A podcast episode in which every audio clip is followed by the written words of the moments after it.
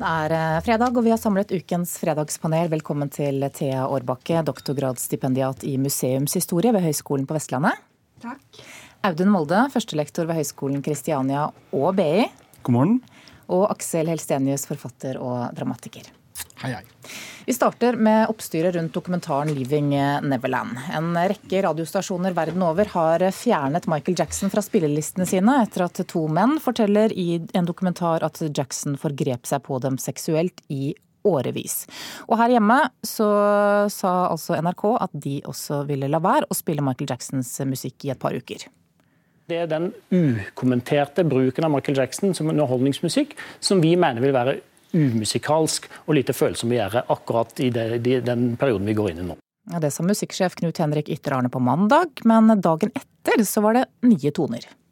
Den beslutningen som ble tatt i går, mener jeg er feil.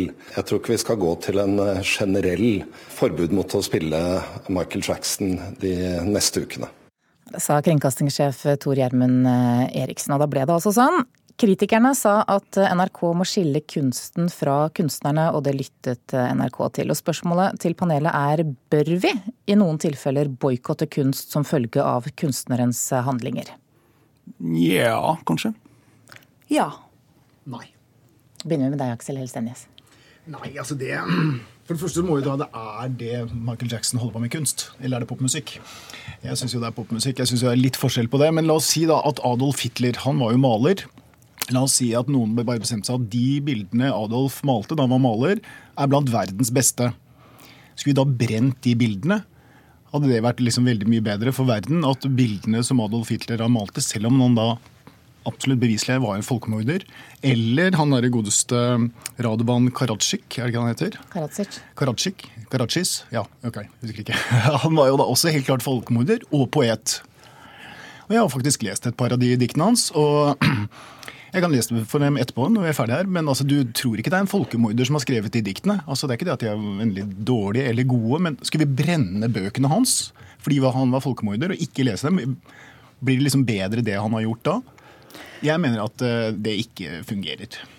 Men å boikotte er ikke det samme som å brenne. Jeg tenkte òg Altså, man kan òg ta eksempelet med F.eks. hvis du eh, finner et gammelt bilde på loftet, tar det med ned, liker motivet, og så finner du ut etterpå at dette bildet er malt av Adolf Hitler.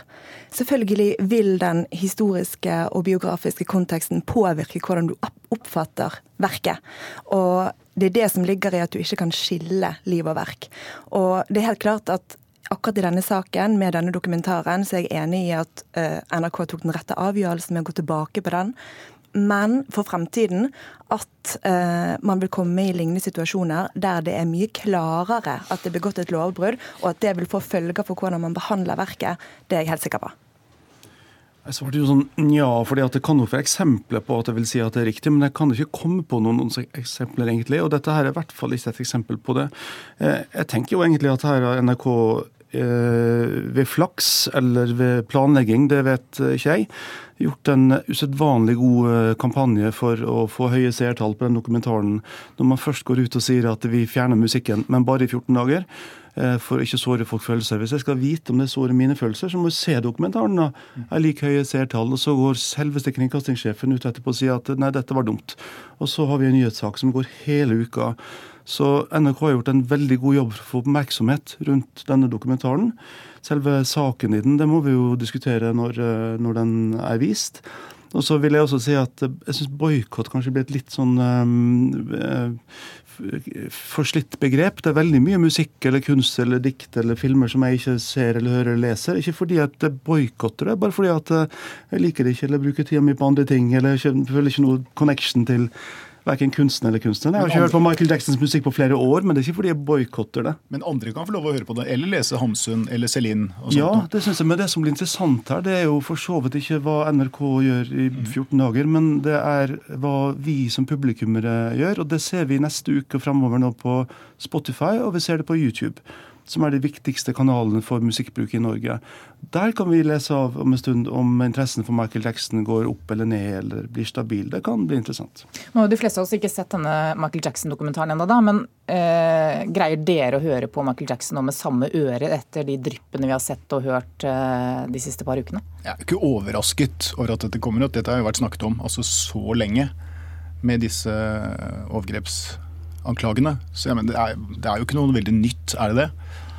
Nei, det, det, nye jo, det, nye er jo, at de to eh, som tidligere har sagt at han ikke ja. forgrep seg på dem, nå sier at jo, da, men, Når vi har hørt på Michael Jackson, så har vi jo visst at han har vært anklaget for dette her, her veldig veldig lenge. Men også frikjent. Ja da. Jeg tror at, eh, for jeg kommer til å se denne dokumentaren når den vises på søndag. Og jeg er ganske sikker på at eh, det vil være vanskelig for meg rett etterpå å, å høre på Michael Jackson. Nettopp fordi at liv og verk henger sammen. Ok, Så dere tar ned Michael Jackson-plakatene fra stua? Ja. Det kommer ja. ikke, jeg hører ikke så mye på Michael Jackson uansett, men som eh, du sier, det er jo gamle saker der. da. Og jeg har aldri hørt på Michael Jackson fordi at jeg liker personen så veldig godt, men eh, at jeg liker musikkproduksjonen og låtene til, på noe av det. Men jeg kommer ikke til å gå av dansegulvet. Hvis det, hvis det kommer en Michael Jackson-låt og jeg er midt i dansen, så kommer jeg ikke til å gå av. Nei, det kommer jeg ikke til å gjøre. Blame it on the boogie. Mm. På lørdag så vant gruppa Keiino den norske utgaven av Melodi Grand Prix med sangen 'Spirit in the Sky'. Keiino skal dermed representere Norge i den internasjonale finalen i Tel Aviv. Men Allerede timer etter seieren så ble Keiino beskyldt for plagiat.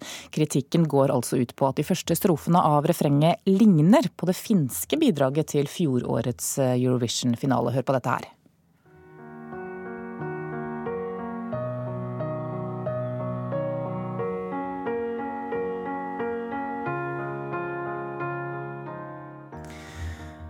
Dette er faktisk eh, enda en som har blitt blanda inn i denne debatten, nemlig Alan Walker med 'Faded'. Eh, de første strofene der har eh, Noen mener også at de ligner på disse to bidragene. Vi skal høre nå på 'Monsters' fra Finland og deretter 'Spirit in the Sky'.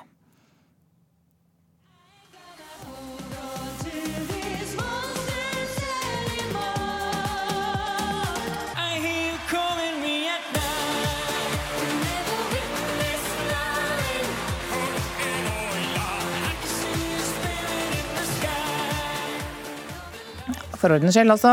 Først hørte vi det finske bidraget 'Monsters', deretter 'Spirit in the Sky' med Kaino. Spørsmålet til panelet er er det mulig å lage musikk uten å bruke strofer som er like eller ligner noe som er brukt før? Ja. Eh, ja, men det er ikke lett. Eh, teknisk rett, og ja, men det er ikke tilrådelig å gjøre det. Fordi? Nei, Det er jo selvfølgelig mulig å gjøre det, men det er som å skrive bøker med ord ingen har lest før, eller filmer med bilder ingen har sett før. Altså, All kunst bygger jo på ting som er gjort før, innenfor alle sjangre. Og også til og med kommersiell popmusikk som, som i Melodi Grand Prix er jo bygd på, på mønstre og ready-mades på en måte som man gjør varianter av. Så eh, det er mulig, men man gjør det jo ikke. Men kan det ofte være slik at uh, flere artister på en måte kommer på samme ideen? Det høres bra ut? Ja, for jeg tenker også at selv om jeg svarte ja på dette spørsmålet, at det er mulig, så tenker jeg òg at er det, men er det så farlig? Er det så viktig? Uh, og um, vi har jo ikke prøvd ut alle variasjoner av tolvtoneskalaen enda, men allikevel så er det innenfor popmusikken f.eks. Eh, likt å gjøre lignende ting. Mm. Ja. Ja, jeg har jo skrevet en lærebok i, i harmonilære som heter Akkordboka, som brukes av en del norske låtskrivere og musikkstudenter. Og jeg har et helt eh, kapittel om akkurat de fire akkordene her, da, som er 1, 4, 5, 6. Det er de fire vanligste akkordene statistisk sett i popmusikk. Eh, brukes i Alan Walkers 'Faded', som de spilte, eller Adeles 'Hello'. Eh, masse, masse låter. Eh, hundrevis av låter. Og melodilinja her det er 6-5-3. Nå snakker vi om skalatrinn på durskalaen. Og det er det samme som du hører også i den Ellen Walker-låten, eller som du hører i heimebanetemaet til NRK, og masse, masse andre ting. Så, og ingen av disse tingene vil jeg si plagiater, det er bare ting man bruker hele tiden. Da. Og hvis det blir for likt, eller man reagerer på det, så er det kanskje pga. mangel på kreativitet, eller litt sånn latskap, kanskje. Ja, for Bør artister egentlig anstrenge seg litt mer, da? Eh, ja. jeg vet ikke om det, er, eh, om det er eh, mangel på anstrengelse. Det er jeg liksom litt usikker på. Men jeg tenker at jeg har liksom lyst til å trekke det litt tilbake til litteraturfeltet og sånt nå. For der er det også masse snakk om plagiat nå, med diktbøker som blir trukket og sånt nå. Nå har jeg hatt eh, fantastiske biografien til Anders Heger og Mykle på øret når jeg tusser rundt. Og det var ikke jeg. altså Mykle er en av mine virkelig store litterære helter. Elsker bøkene hans og leste dem. Og så plutselig får jeg høre da at uh, Mykles store litterære forbilde var Thomas Wolff. Amerikansk forfatter som jeg ikke jeg kjenner til i det hele tatt. Så får jeg også høre da Anders Heger at uh, Mykle har jo da tatt ut store partier av Tom Wolff-bøker, puttet dem rett inn i sine egne bøker. Og så tenker jeg, Dette visste jo ikke jeg når jeg leste dem, dette vet jeg nå. Gjør det Mykle til en mindre forfatter for meg? Nei, det gjør egentlig ikke det. altså. Robert Plant sa en gang at alle middelmådige kunstnere låner, alle store kunstnere stjeler. Det fant ikke han på sjøl, det hadde han rappa fra Picasso, som sikkert har hørt noen andre si det. Så, sånn er det overalt. Så må du elske det du stjeler. Ja, du kan ikke stjele det for å tjene penger, du må bare elske det fordi det er noe helt spesielt ja, det, som gjør noe med deg. Ja, og Selv Johan Sebastian Bach rappa jo masse ting fra sine forbilder som er i hans musikk. Shakespeare gjorde det, dette har folk gjort i hundrevis av år. Mm -hmm. Men, men eh, plagiatdiskusjoner handler jo veldig ofte om kanskje ubevisst plagiat mer enn bevisst stjeling. da. Mm, men vi kan jo regne med, da, hvis vi skal tilbake til denne eh, Grand Prix-sangen, at um, vi kommer til å få toppscore fra Finland, da. Iallfall i år. I og med at de sendte den Monsters eh, videre i fjor. Det kan vel gå begge veier, tenker jeg. Men, eh, men sånn som med det eksempelet, så er det jo um, ikke bare disse to låtene som ligner på hverandre, men det er vel flere uh, andre låter i musikkhistorien som ligner akkurat på dette. Ja.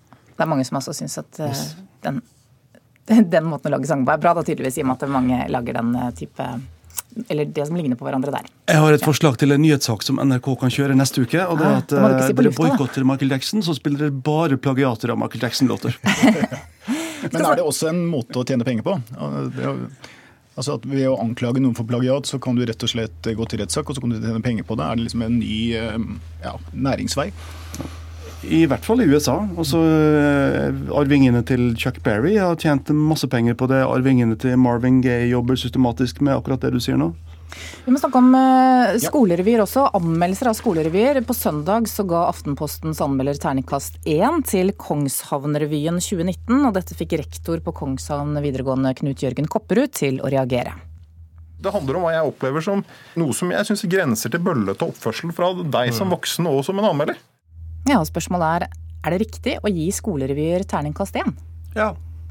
Nja. Nei. Da begynner vi med deg, Thea Arbakke.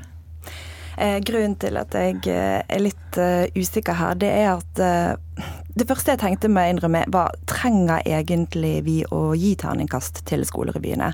Og her uh, vises det kanskje òg at siden jeg ikke er fra Oslo, eh, så er jeg ikke helt inni hvor viktig kanskje disse skolerevyene er for uh, ungdommen her. For det at når jeg uh, begynte å sette meg litt mer inn i saken, så blir det jo klart at ungdommene vil ha terningkast. Så OK, da må man høre på det. Men hvis man vil ha terningkast, så må man jo òg kunne bruke hele skalaen. Eh, men jeg er litt usikker på om, eh, om denne store terningkastrillingen fra Aftenposten, hvor, hvor, mye godt det er i det, egentlig. Mm, men de fleste vil vel ha terningkast fem eller seks, da? Ja, men jeg, jeg, Det er litt forskjell her, syns jeg. Altså, det er en voksen anmelder som anmelder folk som stort sett er amatører. Og Da mener jeg at da går du mer inn i rollen som litt som veileder. altså Du bruker kritikken litt som veiledning. Og rule number one når du er veileder, det er at du må begynne med det positive. Og jeg har lest den anmeldelsen. Det er ikke ett eneste positivt ord. Så jeg mener at han, han, eh, han, man bommer totalt. Altså, det må være noe med musikken, dansen, et eller annet som er positivt. Og så starter du der. Nå må du gjerne ha kritikk og konstruktiv kritikk. Men jeg syns det er helt feil å slakte et produkt som ikke er et profesjonelt produkt av en profesjonell anmelder. Det syns jeg er feil. Da må du bare droppe å anmelde, da? Nei, men Da er vi vel litt enige om at uh, anmelderiet i Aftenposten her står kanskje til sånn terningkast to-tre. da. Altså, grunnen til at jeg svarte ja, var egentlig at når man først skal bruke terningkast, så må man jo bruke hele terningen.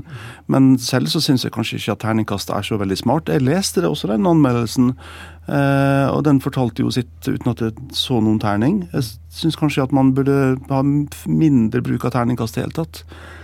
Men hvis ungdommen vil ha det sjøl, og det er viktig, så, så syns jeg det blir vanskelig å gå tilbake på. Men kanskje et alternativ kunne være at uh, det er ungdommer som anmelder, ja. f.eks. Da er det jo i hvert fall eh, even her. Og de er sikkert minst like strenge som de voksne anmelderne i Aftenposten. Men anmeldelsen blir jo ikke reell da, hvis man ikke kan bruke hele karakterskalaen. Så, så dere mener at løsningen er å droppe terningen, rett og slett? Ja, det, det har jeg, altså, jeg har jo fått noen terninger opp gjennom uh, livet på ting jeg har gjort.